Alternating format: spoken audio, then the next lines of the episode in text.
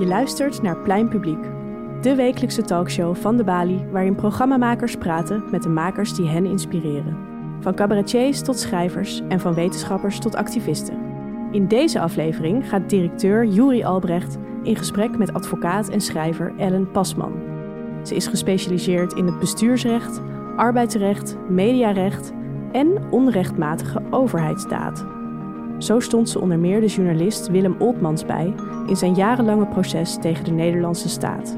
In haar nieuwste boek over het toeslagenschandaal, Kafka in de rechtsstaat, toont ze aan dat de wereld van Frans Kafka geen nachtmerrie of fictie is, maar vaak gewoon een beschrijving van de realiteit in een bureaucratische samenleving. Je gaat luisteren naar Juri Albrecht in gesprek met Ellen Pasman.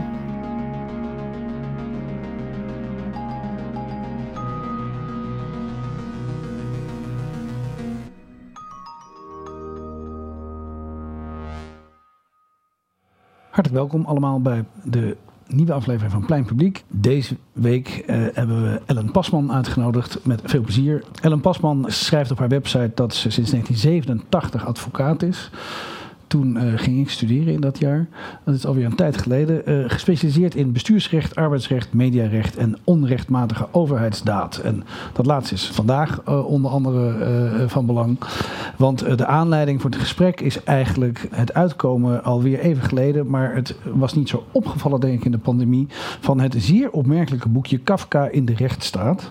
De gevolgen van een leesfout, dubbele punten, toeslagenaffaire compleet. Het heeft een mooie cover, vind ik. Het is uitgegeven bij Prometheus. En ik heb het met grote aandacht gelezen. Ik vond het een eh, inspirerend boek.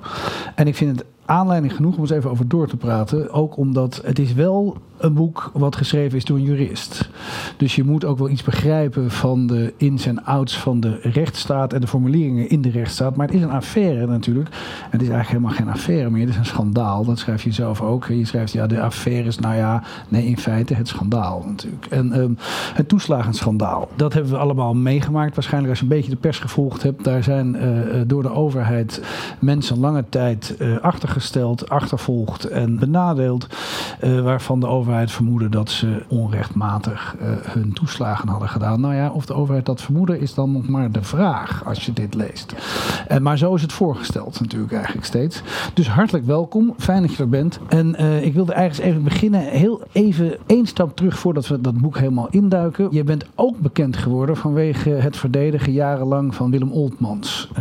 Een journalist, jarenlang journalist, ooit journalist, ondertussen overleden, die een lang proces voerde tegen de staat omdat ook daar de staat uh, onrechtmatig uh, hem had weggezet als een querulant, als een man die niet te vertrouwen was en wiens beroepspraktijk in feite ten onrechte is uiteindelijk gebleken, de moeite niet waard was en die gedwarsboomd moest worden. Vond men in Den Haag. Vond de overheid, hè, maar is uiteindelijk bij de rechter met jouw uh, medewerking hè, dus weerlegd en daar miljoenen genoegdoening voor gekregen hè, van de overheid die interesse in die onrechtmatige daad van de overheid hè, en, de, en die overheid die je kan fnuiken, is die gewekt al zeg maar, gedurende dat proces van Oldmans? En want die, die speelt hier ook in een, een duidelijke rol in. Hè? Dus jou, jouw verontwaardiging over een overheid die ons uh, ten onrechte fnuikt of benadeelt.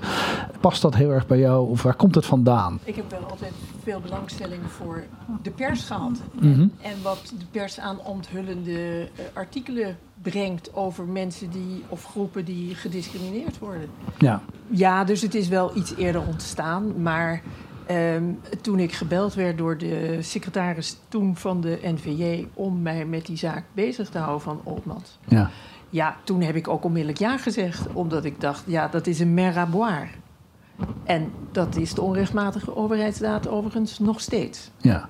het ja. water stijgt de, de, zee stijgt, de zee stijgt nog altijd. De zee ja. stijgt mee, zou ik zeggen. Ja. Ja. Is dat een trek van je persoonlijkheid die je al eerder kent, zeg maar? Dat verzet tegen de overheid, of, die, of die, dat wantrouwen, of, of, of, die, of dat verdedigen van het individu? Het of was dat iets wat min of meer op je pad kwam toen? Het kwam toen min of meer op mijn pad, maar ik ben helemaal niet tegen de overheid. Ik ben Nee. helemaal niet. Ik ben Nee, nee, tegen verkeerde beslissingen. Ja. En ja. eh, die worden nogal vaak genomen. En die worden ook Mhm. langdurig in stand gehouden. Ik geloof dat ik daar eigenlijk het meest kwaad over word. Mhm. En als je het dan bijvoorbeeld over misstanden hebt, ja. dan volgt. Ik noem bijvoorbeeld in het boek ook die situatie van Fred Spijkers. Die man die brengt terecht een misstand, namelijk de onwaarheid over de dood van een vrouw door eigenlijk onrechtmatig overheid te handelen, brengt hij aan het licht. En daar stelt hij die vrouw van op de hoogte.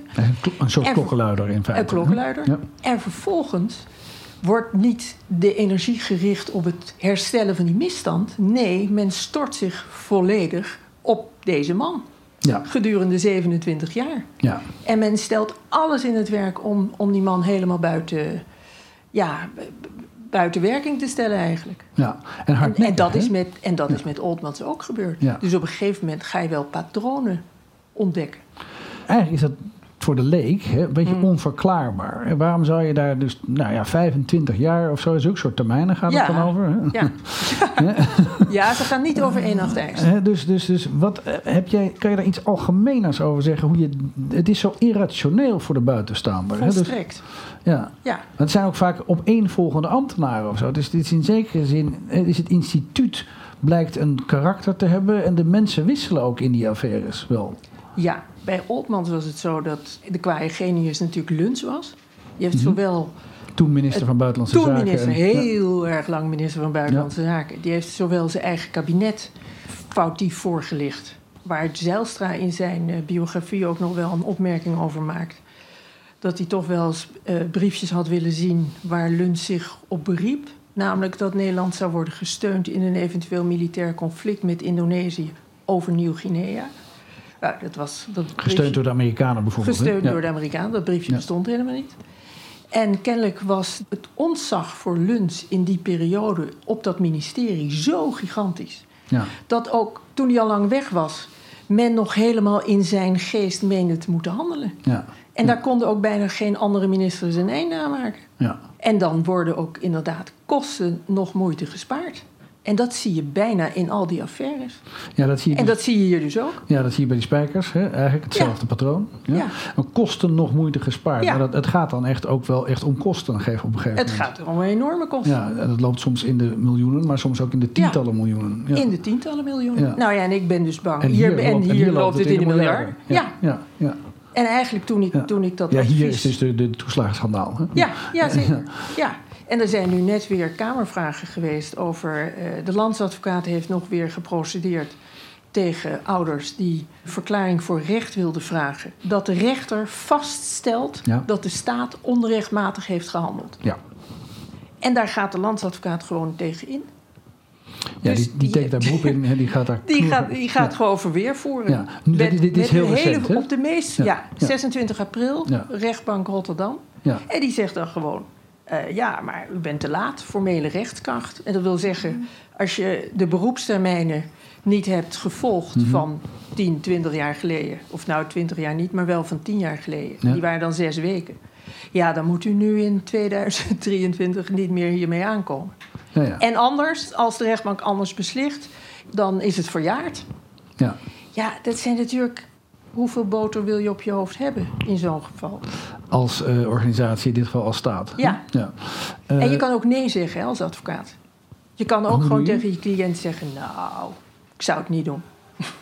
Als landsadvocaat, hè? als Pel, Tuurlijk. Pels Rijken, hè? dat Ja. is de, de Ja. landsadvocaat. Die kan ook tegen zijn klant, de staat... Zeggen, nou, van, dit is dit nu. Moeten we niet gewoon erkennen dat er onrechtmatig is gehandeld? Ja.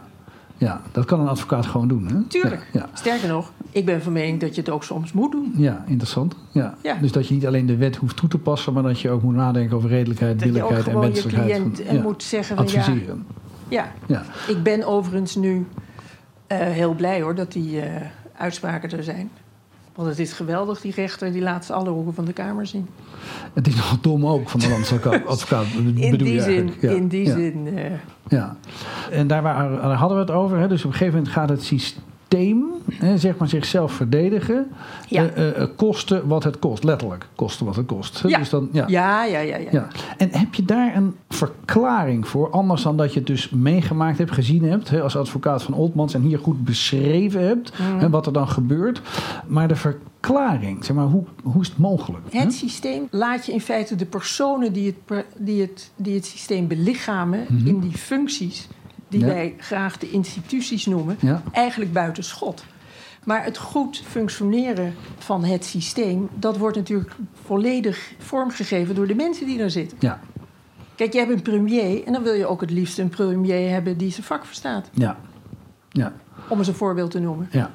Kijk, je zei eerder in het gesprek, hè, zei, ja, ik ben niet tegen de staat, hè, uh, niet tegen de instituties. Nee, natuurlijk niet. Nee, dus Nee. Uh, misschien zou je zelfs zeggen in tegendeel. Integendeel. Ja, je wil eigenlijk dat ze goed functioneren. Je zou willen dat. Dat is namelijk wel inderdaad in het algemeen belang. Ja. Dat je een overheid hebt, een uitvoerende macht of een bureaucratie, zo je wilt. Mm -hmm. Dat een bureaucratie doet waar, waar een bureaucratie voor nodig is. En waar is die voor nodig? Uitvoering van wetten en regels. Ja. En op een behoorlijke manier. Ja. En niet op, zoals dat hier is gebeurd, eigenlijk een buitenwettelijke manier. Eigenlijk een buitenwettelijke. Ja. Er zit een cruciaal moment in dat boek waar je denkt, nou, dat is een beetje een detective, toch? Want uh, je bouwt hem uh, goed op, vind ik het boekje. Sommigen zeggen uh, dat het zo niet bedoeld was. Hè? Zo is dus ja. die hele affaire. Ja. Hè? Dus, die hele, dus dat hele fnuiken van een, een, een, een duidelijk etnisch onderbouwde, ook nog eens een keer groep die zich volgens de staat buiten zou hebben gegaan. Dus Ja. dat, sommigen zeggen dat het zo niet bedoeld, uh, Ja. niet, niet, niet was bedoeld. En dan, dan zeg je, nou ja, dan moeten we dan nog maar eens kijken naar de stukken van de Raad van State kijken en of dat allemaal zo is en zo. Dan blijkt, als je dat allemaal bekijkt, de stukken, die, die, die, nou, die zitten Mhm. in het boek. En dan schrijf jij, dan blijkt dat het nogal anders in elkaar steekt. Ja. Eind van het hoofdstuk. Nou. Dan denk je, wow, ik lees even verder.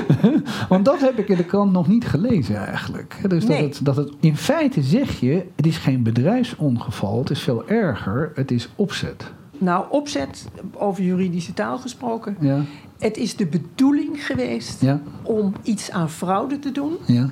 En de premier kon eigenlijk in zijn verhoor bij de parlementaire ondervragingscommissie Mhm. niet in één zin zeg- zeggen wat daar nou eigenlijk mee wordt bedoeld. Er werd steeds maar met signalen gewerkt. En het is waar dat er sprake is geweest van discriminatie van, op grond van nationaliteit en Kleur. etniciteit. Ja. Maar ook in feite op grond van inkomen. Want het zijn natuurlijk meestal gewoon Het zijn de lage en de, veel, arme- en de hele gewoon- lage ik noem het gewoon Ja, arme ja, mensen. Ja, ja. Eigenlijk louter. Hè? Ja, Ja. en dat maakt ook dat je de grootste kans hebt dat die mensen zich niet gaan verweren. Ja. Want ofwel ze snappen het niet, in ieder geval hebben ze geen geld. En de Raad voor Rechtsbijstand hadden ook nog bepaald dat hier voor dit soort kwesties geen toevoeging zou worden verleend. Nee. Dus ons grondwettelijk recht op toegang tot het recht. Ja, Hè, was is- ten aanzien van deze groep mensen een volstrekte illusie. Ja, het is echt onvoorstelbaar, iedere keer dat je het er weer over hebt. Ja, Maar, want het is, het is natuurlijk zo klip en klaar dat dit niet rechtsstatelijk is. Hè? Waar vind jij nou dat die beslissing gevallen is, zeg maar eigenlijk, om het zo te doen? Dus om groepen aan te pakken waarvan je weet, in feite beschrijf je dat ook, dat er mensen tussen zullen zitten die, dat is ook nog eens een keer heel schandalig, hè, die niet, eh, dat, eh, eh, dus er zullen onschuldigen vervolgd worden. Dat is eigenlijk ook iets wat je hierin leest. ja. nou, de, de term hot horror. Ja. Toen ik dat voor het eerst uitle- dacht ik- uitleggen? Dat is ook een term uit het... Ja, hoog toeslag, hoog risico. Mhm. Dus dat zijn mensen die voor hun werk no- nodig hebben dat er zij geholpen worden in financiële zin door zo'n toeslag. Want anders kunnen ze niet werken. Nee. Dat kunnen, zij kunnen dus niet zelfstandig. Zij hebben niet de nanny die eh Hoekstra heeft, om maar eens een dwarsstraat te noemen. Om iemand te noemen. Ja. Ja, ja. En dat hot horror, hè, dat is zo'n afkorting die eh, Ja. vaak terugkomt. Ja. Dat betekent dus, dat, en daar is op gefocust op die groep, hè, om die te vervolgen. Ja, dat is gewoon in feite een kwalificatie van mensen die zeggen... nou, die ben- zijn en arm en ze zijn zwart... en ze hebben een dubbele nationaliteit en ze hebben... Ja, En ze hebben geen middelen om zich te verweren. En ze hebben geen middelen om dit. Te Kijk, verweren, dat ja. laatste, dat, dat is wel mijn conclusie. Dat lees ik niet, maar dat weet je natuurlijk toch gewoon. Dat dat zo is. Want anders vraag je namelijk geen toeslag aan. En de grenzen van die Dat, toeslag... dat, weet, dat weet de overheid ook. Dat weet de overheid Die weet dat mensen die een toeslag aanvragen Ja. van een bepaalde Die- hoogte. eh, ja. eh, dat doen omdat die dus daar recht op hebben. En dat Anders inkomen kom je niet hebben. Ja. Anders kom je niet tot hot hoor.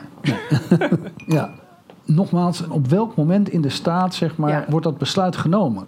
Nou, dat hot hoor, dat, dat is denk ik toch bij de oprichting van, die, van dat combinatieteam aanpak facilitators. En ja, dit is ook een hele rare term. Want Facilitators, Engels. dat klinkt een beetje alsof je, alsof je medeplichtigen meteen hè, erop Ja. zet. Ja. En dat zijn dan eigenlijk die bedrijven geweest, die gastouderbedrijven. Ja. Waarbij boekenonderzoeken onaangekondigd werden gedaan en er ook geen vermoeden was. En die op een gegeven moment dachten, nou, we kunnen niks vinden. Dat is ergens in 2013 geweest. Mhm. En ehm, En dat zijn die, die, die, die facilitators, dat zijn in feite bemiddelaars voor gasthoudergezin. Ja. En daar En dat moesten was men- op daar moesten die ouders genomen kreeg- kreeg in toeslag overeenstemming met de wet. Ja, ja. Nee, anders kregen ze die toeslagen niet eens als ze niet via die, Ja. eh, die, die facilitators Ja. gingen. Ja. En toen konden ze eigenlijk niks vinden. En toen hadden ze de doelgroep denk ik al wel in het oog. En toen heeft, want de Field heeft namelijk ergens geloof ik in 2009 of 2010 gezegd... wij houden op met het navlooien van al die toeslagen... want het levert toch niks op. Dat zijn namelijk in strafrechtelijke zin eigenlijk helemaal geen zaken. En toen kwam Opstelten met het lumineuze idee... om een ministeriële commissie aanpak fraude in te stellen...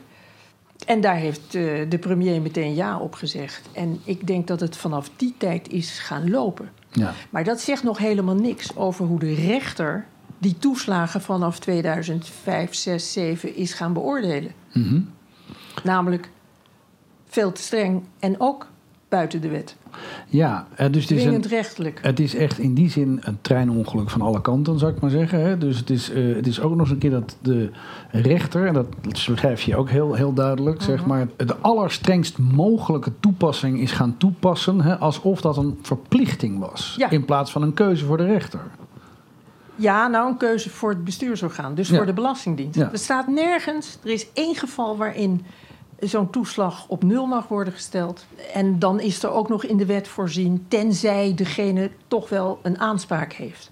Ja. Dus in al die andere gevallen mag je herzien. Ja, er staat dat mag herzien. terugvorderen, kan terugvorderen. Kan terugvorderen. Ja, ja, en het is, die leesfout die is, zit volgens mij in dat artikel 26.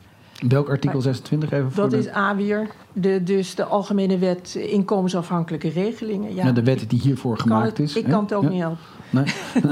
En daarin staat dat als er wordt teruggevorderd, dan moet het hele bedrag worden teruggevorderd. Daar staat dus niet dat de toeslag moet worden teruggevorderd. Dus als er te veel is betaald, moet je te veel betaalde terugvorderen. Ja, maar niet Dus als er geheel. 100, 100 te veel is betaald, dan mag je 50 terugvorderen of 20. Ja. En als je dan zegt, meneer, ik vorder 20 van u terug, dan moet je die 20 betalen. Dus Ja. daar zit geen enkele ruimte meer in. Ja, ik zou bijna zeggen, hoe eenvoudig kan het zijn? ja, dat staat heel duidelijk in de wet. Ja, Ja. ja. Maar het blijkt dus dat eh, eh, de overheid, het bestuursorgaan, zijn eigen, de eigen wetgeving niet kan lezen. Ja. Ja. Ja, en dat blijkt, dat is dus naar mijn idee nog steeds niet helemaal duidelijk. Er is één advies van de landsadvocaat wat hierover gaat uit 2009.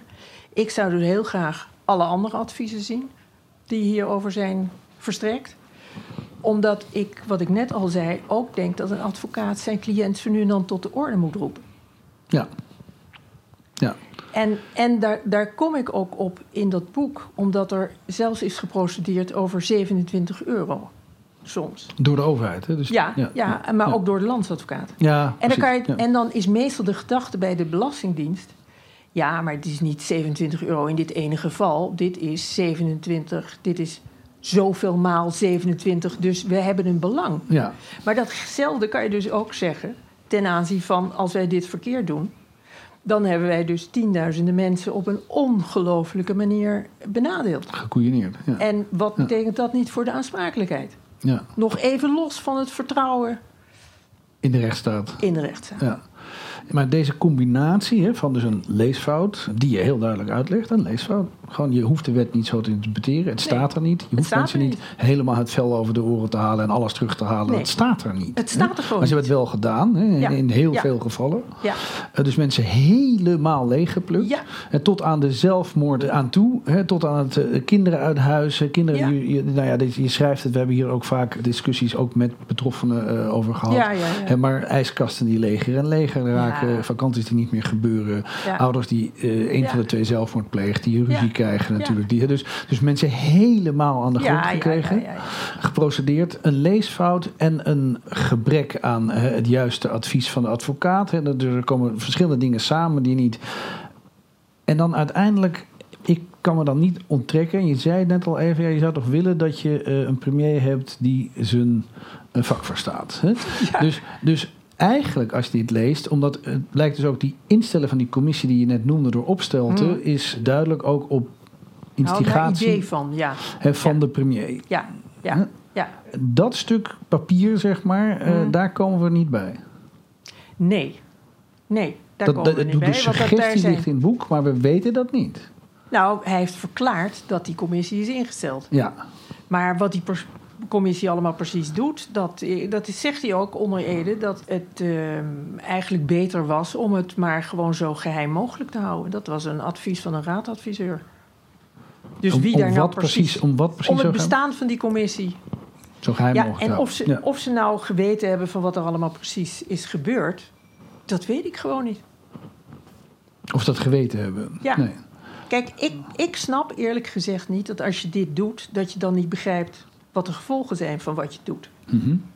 Dat, dat niveau mag je toch verwachten.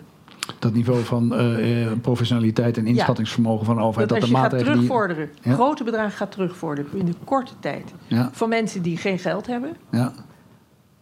Wat, wat denk je dan dat er gebeurt met die mensen? ja, dat die, dat die dan. Dat is toch. Dat is toch. Dat, ja, Die geen toegang hebben tot het recht. En die geen toegang ja. hebben tot Ja, het dat recht. heb je ook al geregeld, namelijk als overheid. Ja, dus, dus dan weet je, sterker nog, Asscher die zegt op een gegeven moment tegen de Kamer, ergens in 2016, ja, we moeten gewoon een aantal van die terugvorderingen afschrijven, want die kunnen we niet meer innen. Ja. Dus dan, ik, ik begrijp dus niet dat je die gevolgen dan niet onder ogen ziet.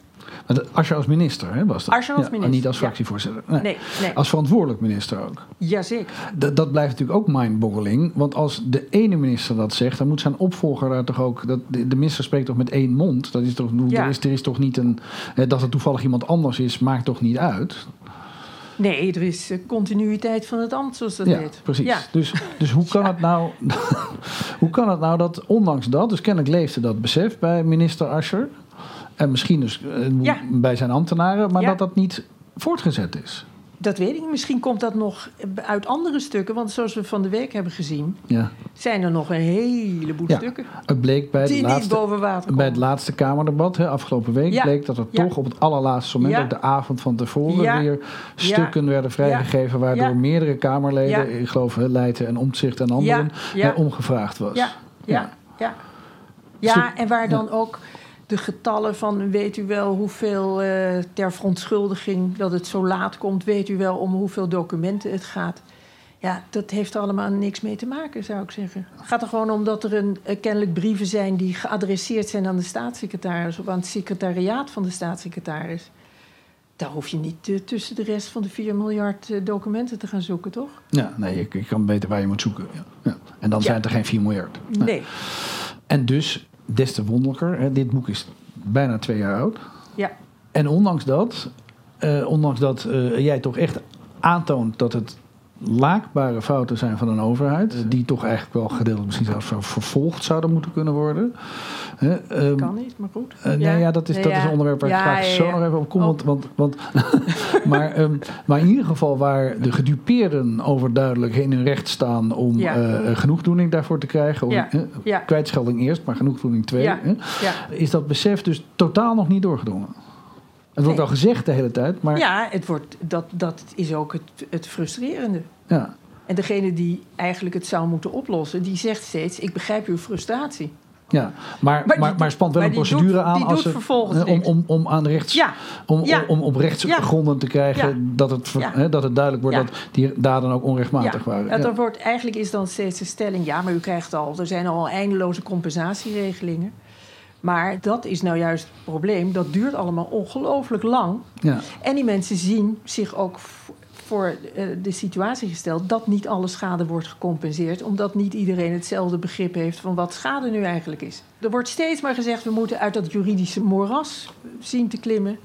Maar ik heb het idee dat we er steeds verder in wegzinken. Behalve dan nu, doordat die rechtbanken toch echt, die nemen wel een beetje revanche erop, denk ik.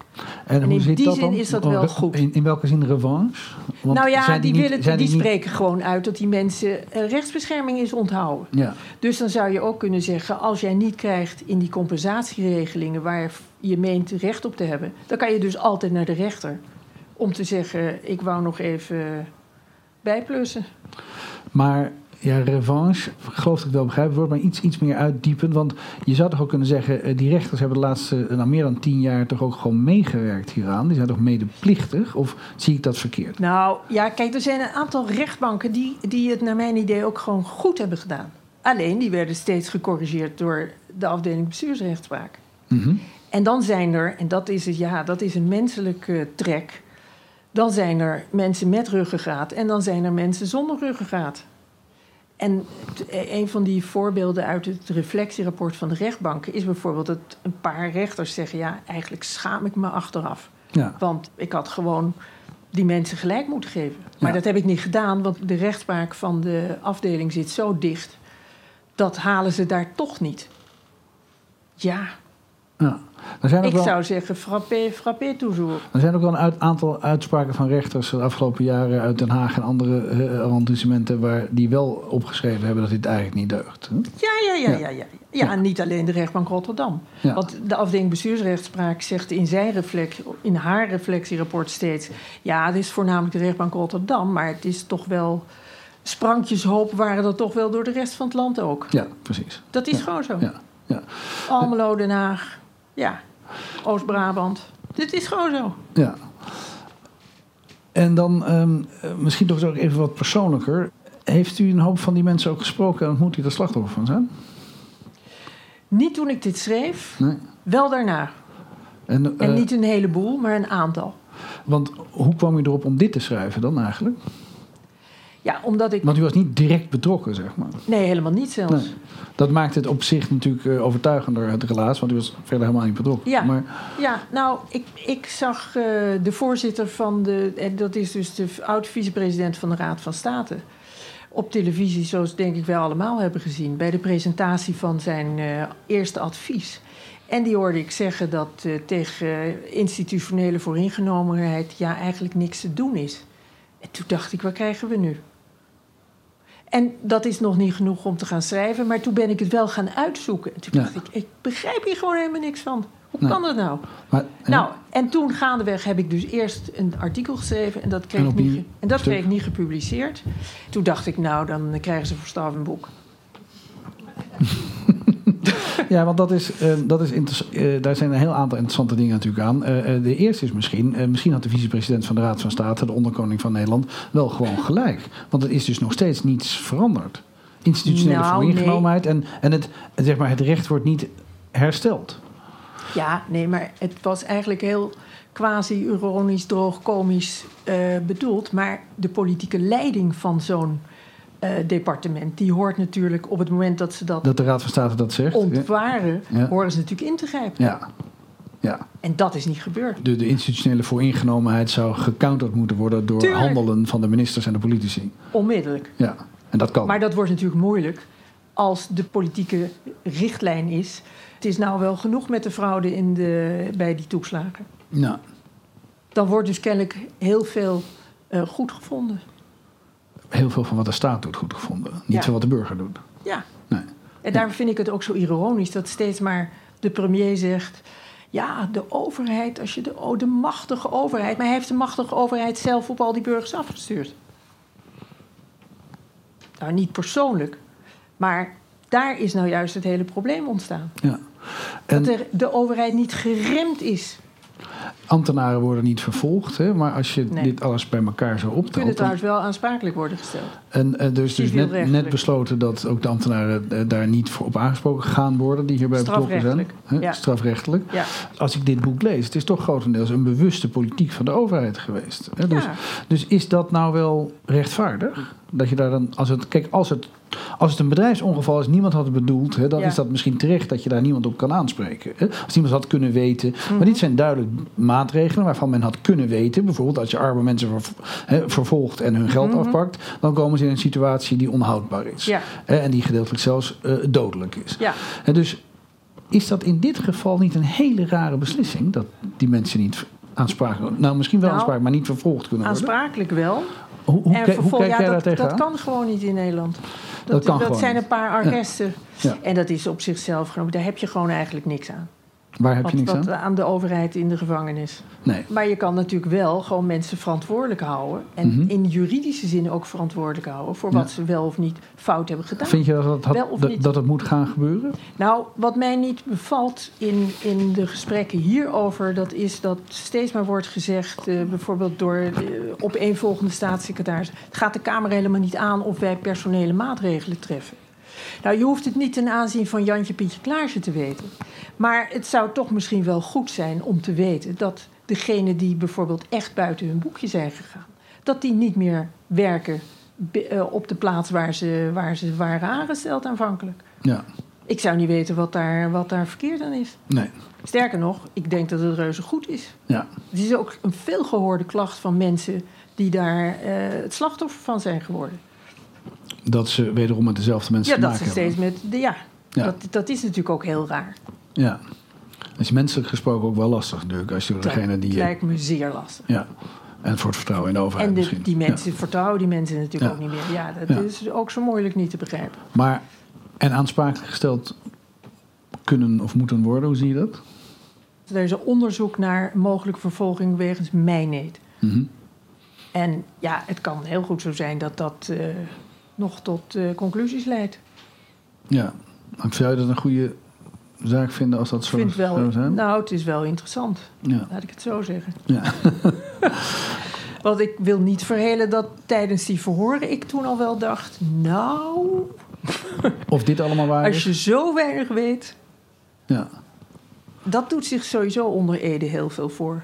Mensen met enorm hoge posities een geheugen hebben. Ja, een slecht geheugen. Ja, een heel Ja. slecht geheugen. Ja. Ja. En dat kan wel eens eh, in feite mijnheid zijn. Nou, een geheugenstoornis is geen mijnheid. Nee. Maar als je, verkeerde, als je echt verkeerde dingen zegt in strijd met de waarheid... dat is natuurlijk gewoon wel, dat is wel wij. Ja. Ja. En dat in combinatie met al die documenten, of met het aantal documenten die niet boven water komen. Ja, dat is eh, fascinerend. Nou noem je in dit boek eh, Kafka in de rechtsstaat. Ja. En je haalt er een eh, groot aantal eh, mooie citaten van Kafka bij. En eh, er is er eentje bijvoorbeeld, die is, eh, die is vrij kort, hè, ehm, over uit het proces. Waar hij zegt, iemand moet mij valselijk beschuldigd hebben, zegt Jozef K. Hè? Er moet iemand mij valselijk dat is de eerste hebben. zin. Ja. Ja. Want hij komt terecht in een proces. Hè. Dat is ook natuurlijk logisch, want hoe kan hij zich anders in die positie bevinden? Want hij wordt, hè, hij wordt totaal kapot gemaakt. Dus ehm, er moet een valse beschuldiging zijn geuit. Je kan je helemaal voorstellen dat de mensen in de toeslagen-schandalen die zich daar jarenlang in bevonden, dat ook lang gedacht hebben. Ja, Maar die was er dus niet. die beschuldiging. Nee. Nee. En die valse beschuldiging en die dat aangeven en dat verlinken, dat was er niet. Nou ja, tenzij je denkt dat de signalen die via zo'n gastouderbureau bij die ouders zijn gekomen. En dat ze ineens een brief kregen met uw toeslag wordt stopgezet. Ja, maar er kwamen wel lijsten en hoe die lijsten precies zijn samengesteld. Dat is, wisten ze dat, niet. Dat weet Dat eigenlijk nauwelijks nog steeds niemand. Hè, En dat weet eigenlijk nog steeds niet. Nee, en daar kwamen mensen op hè, Ja, eh, op grond van signalen. op grond van signalen. Ja. En, En, niemand weet ook overigens wat een signaal is. nee, Wat is een signaal? Ja. Een Het is juridisch in ieder geval gesproken niet- moeilijk niet- woord. Ja, Ja. heel Ja. moeilijk. Maar dus in dit geval was er misschien soms wel sprake van mensen die gewoon een hekel hadden aan iemand en een signaal gaven. Ja, nou ja, dat zie je bijvoorbeeld in, in bijstandszaken. De buurvrouw die een uitkering heeft en toch een bontjas. En dan krijgt de, Dat is een signaal. Ja, dat kan een signaal zijn. Ja. dat Ja. kan ook. Ja. Ja. Ja. Maar hier is het niet concreet gemaakt. Nergens onderbouwd, die lijsten. Nee. Voor. Nee, dat, dat is nou ook wat, wat Aleid Wolfsen zegt als eh, autoriteit persoonsgegevens. Jullie hebben gewoon geselecteerd Ja. op afkomst. Op lage inkomensafkomst. Ja, Geboorteplaatsen buiten Nederland. Ja. Ja. Tja. Dat is natuurlijk buiten. Dat is gewoon artikel 1 discriminatie. ja. En niet zo zuinig ook. Dus de grondwet is hier op vele manieren Ja, ja, ja, geschonden. ja, ja, ja. Hè, dus toegang tot het recht, eh Ja. non-discriminatiebeginsel. Ja, ja, Ja. Het wordt echt Ja. steeds ernstiger hè, natuurlijk. Dus als je Ja, daarover het nadenkt, is- het is een...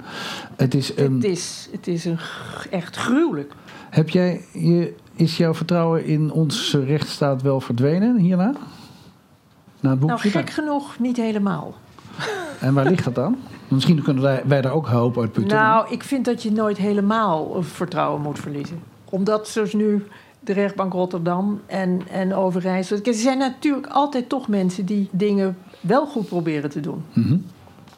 En het voordeel hiervan is... Nou, voordeel... Het goede is dat er toch een begin is gemaakt met het verkrijgen van inzicht. Ja. Het slechte is dat men blijft zeggen dat het aan de hardheid van de wet lag. Dat is namelijk gewoon niet zo. Nee, dat, dat toon je heel goed aan. Die Ja. wet was heel schappelijk eigenlijk. Tenminste, kon je heel schappelijk. Het is het normale Ja. systeem zoals het in het bestuursrecht geldt. Ja, Je, je kunt herzien en je kunt terugvorderen en het hoeft niet. Ja. En dat is ook het meest logisch. Maar toch, als je eh, dit leest van Kafka, er is geen twijfel aan dat zich achter alle daden van deze rechtbank, in mijn geval dus achter de arrestatie en het onderzoek van vandaag, een geweldige organisatie bevindt. Een organisatie die niet alleen omkoopbare bewakers, laffe opzieners en rechters-commissarissen die in het gunstige geval bescheiden zijn, in haar dienst heeft, doch die vervolgens nog een schare rechters in allerlei gra- graderingen in stand houdt met het talrijke onvermijdelijke gevolg van bodes, klerken, gendarmes en andere hulpkrachten, misschien zelfs beulen. Ik schrik niet terug voor dit woord. En de betekenis en de bedoeling van deze grote organisatie, mijn heren, die bestaat daarin dat onschuldige personen worden gearresteerd en er een zinloos en meestal, zoals in mijn geval, uitzichtloos proces tegen hen wordt gevoerd. Ja. En dit is eh, tamelijk aan het begin van het boek, maar in het boek Ja. komt gewoon helemaal terug dat dat zo is. Dat is toch wel eh, Ja, een heel eerder geschreven. ja. 1914 hè, geschreven. Ja. 1914, 1915 kwam wat later uit. Maar Ja. Ja. mijn- ja, ik schrok er zelf van hoe toepasselijk eigenlijk al die citaten, hoe toepasselijk Kafka was. ja, Of hoe goed dat aansloot. ja. Je denkt eigenlijk, als je, ik heb het lang geleden gelezen, Kafka, eh, veel. Maar ik kan me goed herinneren dat ik toen altijd dacht, ja, gruwelijke fantasieën. Ja. Maar geen beschrijving van de werkelijkheid, dacht ik. Nee, nou, ik had het, eh, stond toevallig eh, nog vier maanden voor, zeg maar in de zomer van 2019 gelezen in het Duits. En daardoor had ik eigenlijk nog vrij goed in mijn hoofd waar het, wat, wat, wat eigenlijk die fantastische zinnen zijn. Ja, Die Lüge werd zur Weltordnung gemacht. Ja, ja. korter kan je het bijna niet zeggen.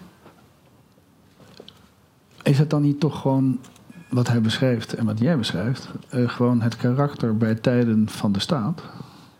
Van sommigen in de staat. Ja. Van sommigen in de staat. Ja, die niet gecorrigeerd worden. Aha. Kijk, het grote punt hier is natuurlijk ook dat de rechter, en dan in het bijzonder de hoogste rechter, dus de afdeling bestuursrechtspraak, niet heeft gedaan wat hij normaal gesproken in zo'n geval doet. Namelijk Namelijk de streep erdoor. door.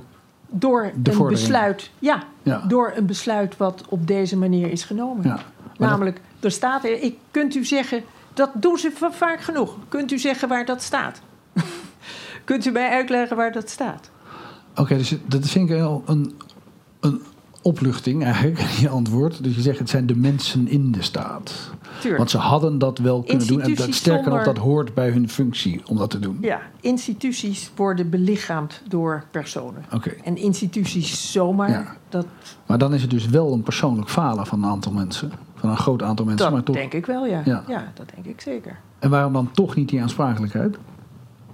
Nou ja, ik zeg niet dat dat niet nog gebeurt. Nee. Oké. We hebben nog een lange weg te gaan, denk Ja. ik. Je zei nog iets anders en dan ronden we af, denk ik zo'n beetje. En Misschien zijn er daarna nog vragen eh, hier uit de zaal. Maar ehm, je zei, ik had een opiniestuk geschreven, dat kreeg niet geplaatst. Nou, Ja. dan krijgen jullie ook een boek. Ja. ja, De rol van de pers, hè, Ja. kreeg hem niet geplaatst. ja. Dit, dit speelt dus vanaf 2006, vanaf 2013. Een journalist had dit, eh, veel juridische kennis wat in het boek zit. Maar een journalist had dit ook kunnen schrijven. Tuurlijk. Ja. Ben je heel erg veel uitgenodigd om in een praatprogramma met de minister van Justitie eh, of In het Of van- geheel niet. in het geheel niet? Nee. Nee, en dat komt denk ik ook omdat, omdat het samenviel, of dat boek was iets eerder van Jesse Freriks. Zo hadden we het niet bedoeld. Mhm. En dat legt eigenlijk een heel sussende. sussende dat heeft een hele sussen. Ja, Ja. Dat sust van ja, god, het is ook wel jammer. En ja, maar goed, het zijn allemaal aardige mensen en zo bedoelen we het niet. En er was ook fraude. En er was ook fraude. ja. Alleen, de Belastingdienst, dat begrijp ik tot op de dag van vandaag niet.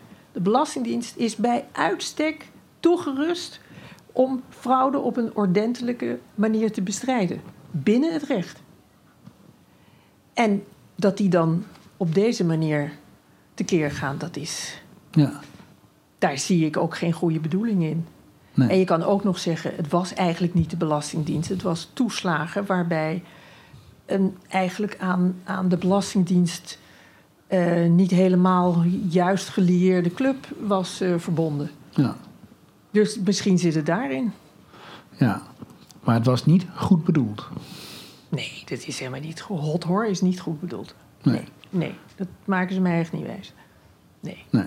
Nee. Dat is het pakken Nee. van de Ja. weerlozen in de Ja. samenleving. Ja, absoluut. Ja. Om financiële redenen. ja. Wat kost dat wel niet? En dat gaat nu miljarden kosten, deze En het gaat nu miljarden kosten. Ja. Ja. Bij het, het woord hot hoor, denk ik dan meteen aan Lingua Tertii Imperii, LTI. Een prachtig boek van Klemperer waarin hij, Ja. hij beschrijft dat op het moment dat er allerlei afkortingen het Duits binnenkomen, Ja. hij weet deze Ja. staat gaat fout. Dit is uh, foute boel. hè, ja, Ja. voor concentrationslager. En daar heeft hij heel veel voorbeelden van. Ja. Daarom noemt hij het ook ironisch LTI, hè, Lingua. Tertii Imperii, de taal van het Derde Rijk. Maar hot horror, Ja, daar loop je de rillingen van over de rug als afkorting. ja. Ik laat het hier even bij. We hebben drie kwartier gepraat. Eh, eh, er kan nog veel meer uit dit boek getrokken worden, wat ontzettend interessant is. Ik zou zeggen, nou, dank je eh, ehm, lees het na. Ik kan het iedereen aanbevelen. En ik kan ook alle journalisten aanbevelen om mevrouw Pasman toch wel eens een keer uit te nodigen. Als er weer een gesprek bij is wat hierover gaat. En dat zal nog een tijd duren. Waarschijnlijk blijft nog een tijd in het nieuws namelijk. Ja, Dit onderwerp. ja. We sluiten af. Volgende week vrijdag is er weer een nieuwe pleinpubliek. Hartelijk dank Ellen Pasman voor de komst hier. dank je zeer. Dit was Pleinpubliek met Ellen Pasman. Over twee weken kun je weer luisteren naar Pleinpubliek. En dan is filmmaker Louis Hot Hot Hot te gast. Wil je nou zelf een keer naar Pleinpubliek? Volg ons dan op de socials en hou de website in de gaten voor nieuwe gasten.